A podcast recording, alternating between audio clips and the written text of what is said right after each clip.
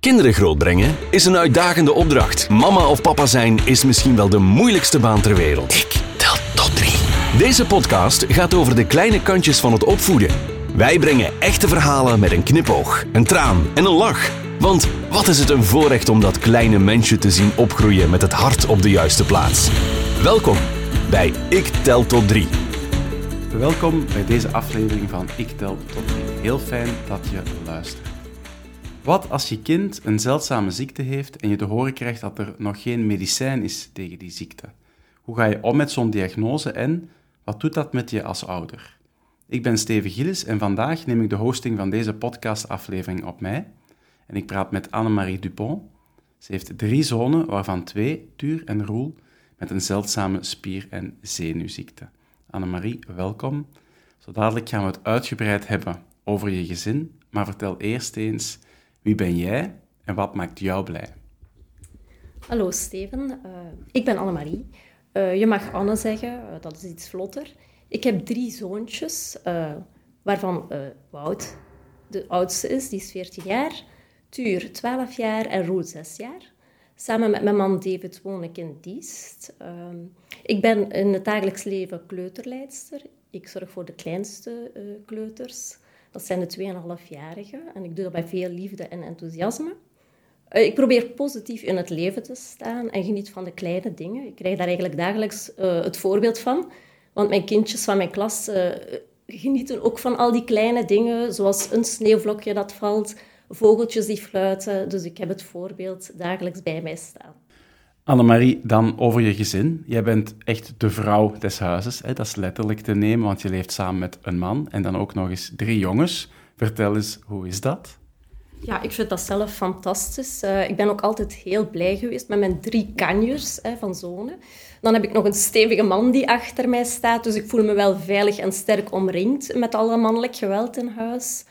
Um, ja, en eigenlijk voel ik mij ook wel op en top vrouw. Want ja, ik moet eigenlijk tegen niemand aan uh, botsen. Het zijn ook echte knuffelberen, mijn jongens. Dus ik kan daar intens van genieten. Dan poepen wij, zo zeggen ze dat, uh, onze jongens. Dus uh, allee, ja, het is zo'n beetje fantastisch. ja. poepen, daar heb ik nog nooit van gehoord. Dat zal een typisch diest woordje zijn. Nee, dat is iets wat we zelf hebben verzonnen. De jongste is daarmee afgekomen van, ah, ik wil nog eens flitsenpoepen. En dan gaan we samen in bed liggen en dan knuffelen we met elkaar. We overlopen de dag een keertje. Uh, dat is voor ons flitsenpoepen. Je staat heel positief in het leven, dat vertelde je daarnet al. Dat zie ik ook, hè, hoe dat je uh, hier zit. Maar dan toch, in januari van dit jaar hè, kregen jullie te horen dat Tuur en Roel een zeldzame ziekte hebben. Het is een hele mond vol. Um, kan je eens wat meer vertellen over de ataxie van Friedrich? Ja, uh, inderdaad. Het is een mondvol, uh, ataxie van Friedrich. Het, ze zeggen ook wel gewoon FA. Dat is dat iets makkelijker om, uh, om erover te praten. Dus Friedrich-ataxie. het is een progressieve ziekte. dat wil zeggen dat de kinderen langzaamaan eigenlijk steeds meer beperkt gaan worden. Een neuromusculaire ziekte. Dus het tast eigenlijk hun zenuwen en spieren aan.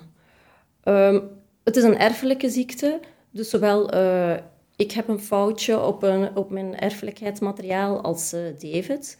En beide kinderen hebben eigenlijk uh, de twee foutjes gekregen van ons, waardoor de ziekte bij hun tot uiting komt. Um, dit zorgt er eigenlijk voor dat ze eigenlijk te weinig van het eiwit frataxine gaan aanmaken. En hierdoor gaat er dan weer een ijzer opeenstapeling zich voordoen in cellen en de, deze zorgen eigenlijk voor schade aan de zenuwen en aan de spieren. Um, ja, dat zorgt er eigenlijk voor dus dat de, de kinderen zeer moeilijk gaan lopen. Um, ze worden eigenlijk beperkt in, in heel hun motorisch gebeuren. Dus ook hun schrijven en zo gaat moeilijker gaan. Um, uh, het evenwicht is moeilijker. Het hand, uh, oog en uh, beencoördinatie, alles verloopt eigenlijk een beetje moeizamer. Uh, ook het hartspier, alleen een hart is ook een spier natuurlijk, um, en die is vaak ook op latere leeftijd, wordt die dan ook aangetast. En ze maken ook meer kans op suikerziekte.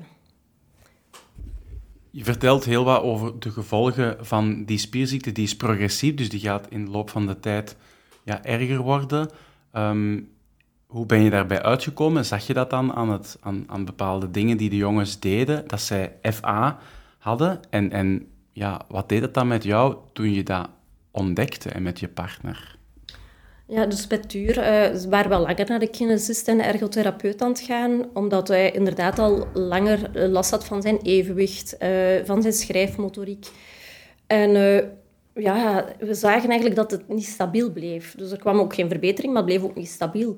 Zijn gangpatroon begon anders te worden. En hij, hield zijn, hij, had, hij nam ook een vreemde houding aan. Dus met zijn voeten, die kregen zo'n beetje ja, een, een, holvorm, dus holvoeten noemen ze dat eigenlijk. En daardoor gingen er eigenlijk alarmbellen af bij ons, waardoor we eigenlijk naar Leuven zijn gegaan en zo bij de neuroloog zijn terechtgekomen. Uh, die heeft dan uh, een klinisch onderzoek gedaan met Tuur en daar was al snel zichtbaar dat Tuur geen reflexen meer had, dus ze kon geen uh, reflexen opwekken. En dan volgde er eigenlijk een erfelijkheidsonderzoek, dat is eigenlijk via een bloedafname. Daar moeten we heel lang, hebben we heel lang op moeten wachten uiteindelijk. En dan na, ik denk een dikke vier, vijftal maanden, hebben we dan het verdict gekregen dat Tuur inderdaad een zeldzame ziekte heeft, uh, ataxie van Friedreich. Ja, dan valt eigenlijk de wereld volledig op je, op je, op je, op je schouders. En je weet eigenlijk niet meer, oh, allez, je weet niet wat te doen. Ja, verschrikkelijk, hè echt verschrikkelijk. En dan moest de neuroloog ons eigenlijk ook nog zeggen dus dat de andere jongens uh, kans 1 op 4 hebben, omdat het een erfelijke aandoening is. Ja, dan is het helemaal... Allee, dan beginnen je alarmbellen af te gaan. Ik had dan dadelijk zoiets van, oei, Roel heeft het ook. Want Roel durft ook nogal eens te klagen van pijn aan zijn benen tijdens het stappen. Zijn gangpatroon was ook al een beetje... Allee, naar mijn mening zag ik daar al iets aan.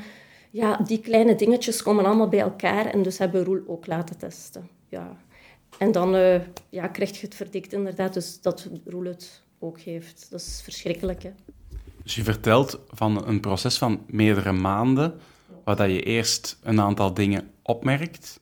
Je zit dan in grote onzekerheid. Er is dan een, een erfelijkheidsonderzoek. Duurt heel lang, is vaak ook zoeken naar een speld in een hooiberg, hè, wordt gezegd, in Leuven. Um, en dan krijg je voor één jongen het verdikt. En dan denk je meteen, oh nee, Ehm, misschien is dat bij Roel ook het, ook het geval. Dat moet toch um, een enorme impact hebben, niet alleen maar op jou, maar ook op je partner en op het hele gezin. Ja, natuurlijk. Hè. Dat is, eh, dat is ongelooflijk wat er allemaal op je afkomt. Um, ten, eerste, ten eerste ook omdat er geen medicijn voor is. Je voelt je machteloos. Hè. Je kan eigenlijk niks doen om je kinderen te helpen en dat is, dat is verschrikkelijk. Hè dat wilt je als ouder niet meemaken. Hè. En je kunt dan wel denken, oh, waarom moet dat nu juist bij ons gebeuren? Maar eigenlijk wenst je dat niemand toe. Dus dan, we zijn wel vrij positief, denk ik, als gezin zijnde. Dus ik en mijn man hebben ook duidelijk zoiets van, kom, we gaan toch het beste ervan maken. We proberen dat ook aan onze jongens te tonen. We staan voor een open communicatie, dus we proberen het hen ook wel allemaal uit te leggen op hun niveau. Nu ja, in die mate van, kunnen ze het echt beseffen? Ze zijn nog jong, hè, zeker onze Roelie is zes jaar. Dat besef is er nog niet helemaal. Hij weet wel dat hij dezelfde ziekte heeft als stuur. Maar om echt te kunnen beseffen van, kijk, hè, naarmate ik ouder word, ga ik steeds beperkter worden in mijn mogelijkheden. Ga ik uh, nood hebben aan hulpmiddelen, hè, zoals krukken, uiteindelijk een looprek en een rolstoel. Ik denk om als kind te beseffen dat dat allemaal op je afkomt, dat dat zeer moeilijk is. Is dat voor Tuur meer bevatbaar. Hij is 12, dacht ik, hè? Ja. Tuur is, 12 jaar, inderdaad. Tuur is wel vrij jong van geest, maar ik denk wel dat Tuur uh, al iets verder staat in dat proces. Tuur botst ook al iets meer tegen moeilijkheden aan. Hè. Onder andere tijdens het sport. Hij kan niet meer met alles meedoen. Hè. Hij voelt zich al wat beperkter. Dus inderdaad, ik denk wel dat het voor Tuur iets vatbaarder is. Gelukkig is Stuur vrij positief. Dat is eigenlijk altijd ons zonnetje al in huis geweest. Dus Alia, hij, pakt het eigenlijk wel mooi aan.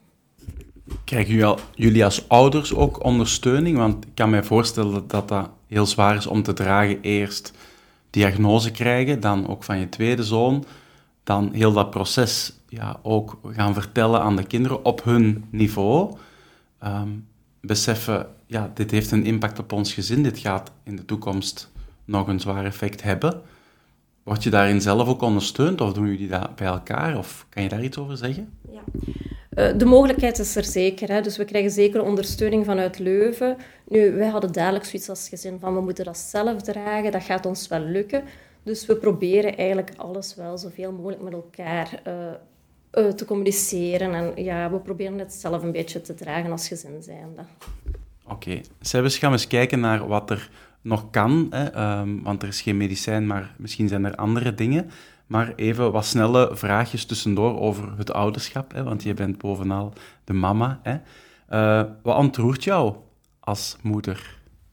Ja, dat zijn echt vele kleine dingen. Nu ook zo, bijvoorbeeld als ik dan naar mijn jongens kijk, hoe ze het samen dragen eigenlijk, dan zie ik ze hand in hand lopen en je ziet ze bijna denken van, kijk, we gaan dat hier samen aanpakken, we kunnen dit. Zo die dingen, daar, kan ik echt, uh, ja, daar ben ik echt ontroerd van. Emotie, eh, ontroering, dat is een, een, ja, een mindere emotie vaak, eh, soms ook mooi. Heb je ook een grappige herinnering als mama die je uh, zou kunnen delen? Ja, dat kunnen hele kleine dingen zijn, zoals de grapjes van de jongens, als ook een, een, een bord spaghetti waarin ze in slaap vallen. Onze tuur is eigenlijk zo'n beetje een showbeest, een grapjas. Ja, die dingen, daar kan ik gewoon een manier van zijn, een manier van doen, daar kan ik echt van al in deuk liggen. En op die manier in het leven staan zal hen misschien ook wel helpen in het aanvaarden van zo'n diagnose? Ik denk het wel. Ik denk als je positief in het leven staat, dat je wel iets sterker bent om zo'n zware diagnose te, te kunnen dragen. En dat probeer ik ook naar hun toe te uiten. Zo van, kijk, we gaan ervoor. Het is niet voorbij het leven. We kunnen er nog altijd iets moois van maken. Het is niet omdat je beperkt bent dat het uiteindelijk stopt. We gaan er nog altijd iets moois van maken. En inderdaad, je zal misschien hulpmiddelen nodig hebben. Of het zal misschien op een andere manier zijn. Maar kijk, het leven is mooi en we gaan het beste ervan maken. Dat is een hele mooie boodschap. Hè? Dat sluit ook aan bij hoe je jezelf hebt voorgesteld. Is dat ook het antwoord dat je zou geven op de vraag: wat vind je als mama belangrijk in de opvoeding? Of is er ook nog iets anders? Nee, dat is inderdaad ook wel wat ik belangrijk vind. En dus dat ze ook hun eigen ikje mogen zijn. Hè. Ze mogen blijven wie ze zijn. En dat hoop ik ook dat ze echt niet anders gaan voordoen als ze zijn. Dat hoeft niet. Gewoon jezelf zijn en een positief zelfbeeld van hun eigen te hebben. Ik las ook um, dat je schreef dat het belangrijk is dat de spieren van Tuur en Roel zo sterk mogelijk blijven. Hè? Het onderhouden van, van de spierkracht, hè? spiermassa denk ik dan ook. Gaat het dan enkel over naar de kinesist gaan, enkel over kine, of zijn er nog andere dingen die jullie kunnen doen? Ja, dat gaat eigenlijk, uh, eigenlijk zijn alle soorten sport goed voor. Hè? Dus dat gaat van voetballen, lopen, trampolinespringen. Al die dingen zijn zeker goed voor hen. Dus alle sporten komen wel in aanmerking. Maar zoals ik daarnet al zei, is het voor Tuur al een beetje moeilijker om zo daar zijn draai in te vinden, omdat hij al wat uitvalt op sommige dingen, hè, waardoor hij die strijd met de andere uh, kinderen ook wel voelt. Um, daarom proberen we het ook wel als iets, leuks te, als iets leuks te doen, zoals zwemmen bijvoorbeeld. Dat vindt hij heel leuk. Of we gaan een keer naar een pretpark en dan zijn ze eigenlijk ook heel dagen in beweging. Zo die dingen proberen we dan toch ook wel echt in de kijker te zetten. Actief bezig zijn. Voilà. Actief bezig zijn en zo min mogelijk gaan zitten of liggen. Ja. Want rust roest. Hè? Voilà. Jullie hebben ook een VZ2 opgericht um, na ja, de ontdekking hè, van um, diagnose FA van jullie twee uh, zoons. U42, VZ2, um, kan je daar iets over vertellen? Wat doet die organisatie juist? Ja, U42 staat inderdaad dus voor jij voor de twee. Uh, maar we zien het ook net iets breder. Uh, ja, ten eerste gaat het inderdaad zijn voor de financiële bijdrage van hun behandelingen.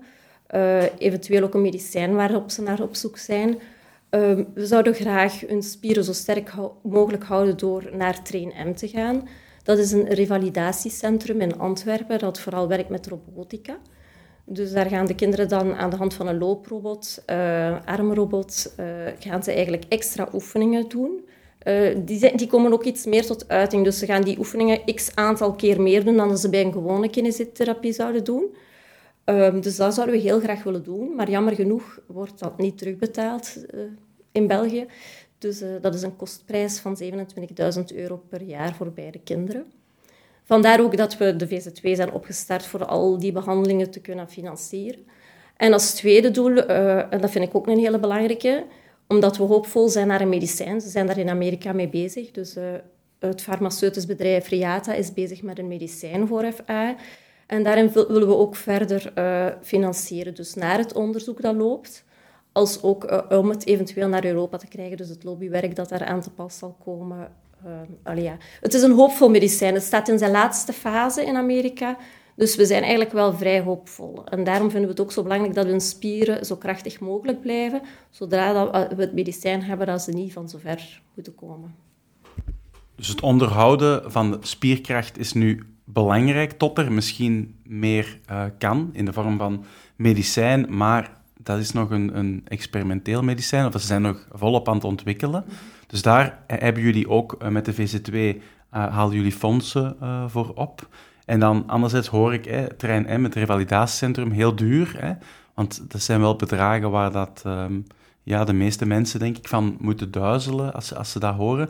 Is daar ook een manier waarop jullie proberen druk te zetten op um, ja, de minister die daarvoor bevoegd is? Of, of zijn daar ook vragen van andere ouders die in die situatie zitten? Of mensen die, die te kampen hebben met, met spieraandoeningen om, om van die behandelingen terug te betalen? Of, of hoe zit dat? We zijn de, de VZ2 eigenlijk nog maar juist opgestart. Hè. Dus we zijn opgestart in maart, denk ik. Uh, dat is nog heel recent. Um, dus we zijn volop bezig met al die stappen te ondernemen. Gelukkig, en dat is ook het voordeel van de VZ2, en dat is fijn dat we die daarover ook hebben opgericht, komen mensen nu naar ons toe met dezelfde ziekte. Dus die inderdaad ook mee uh, aan de kar willen spannen en mee willen lobbyen voor het medicijn. En dan kijken wel wat zijn de volgende stappen. Uh, dus samen sterk, zeg ik. Hè. Dus fijn dat ze zo contact met ons nemen. Dus jullie zijn eigenlijk ook nog op zoek naar lotgenoten of mensen die in hetzelfde um, bootje verzeild geraakt zijn? Ja, omdat het zo'n zeldzame ziekte is, is het ook heel moeilijk om andere patiënten te bereiken. Um, natuurlijk mogen ook de ziekenhuizen ons geen gegevens geven, dus wij zijn absoluut op zoek naar uh, andere patiënten om samen mee op de kaart te springen. Oké, dan heb ik twee slotvraagjes, waarvan één heel belangrijk natuurlijk is, hoe kunnen mensen jullie vinden, jullie steunen ook, um, als ze dat willen. Maar de eerste vraag, wat is misschien een boodschap die jij aan de luisterende ouders zou willen meegeven? Ja, ik zou zeggen, uh, wat er ook op je pad komt in je leven, probeer zoveel mogelijk uit het leven te halen. Probeer toch positief te blijven en vooral durf ook hulp te vragen. Mooie afsluitende woorden, um, Annemarie, dank je wel. Hoe kunnen mensen jullie vinden, de VZ2 bijvoorbeeld? Uh, ja, ze kunnen altijd eens een bezoekje brengen via onze website www.youfortwo.be. We hebben ook een uh, Facebookpagina en een Instagram-account. En daarop kunnen ze ook het verhaal volgen van de twee jongens. We zullen ook de socials delen hè, op Instagram, zodat mensen kunnen gaan volgen en kijken of er misschien acties komen in de toekomst of bepaalde dingen, hoe ze kunnen steunen. Dankjewel uh, om hier te zijn vandaag. Dankjewel ook om te luisteren. En ook aan jou thuis wil ik van harte bedanken om te luisteren, helemaal tot aan het gaatje. Tot een volgende keer, tot Ik Tel Tot Drie. Dit was Ik Tel Tot Drie, de podcast over echt ouderschap. Abonneer je voor nieuwe afleveringen, reageer of stuur ons een berichtje op ikteltot3.be. Vergeet niet, je staat er niet alleen voor, want it takes a village to raise a child.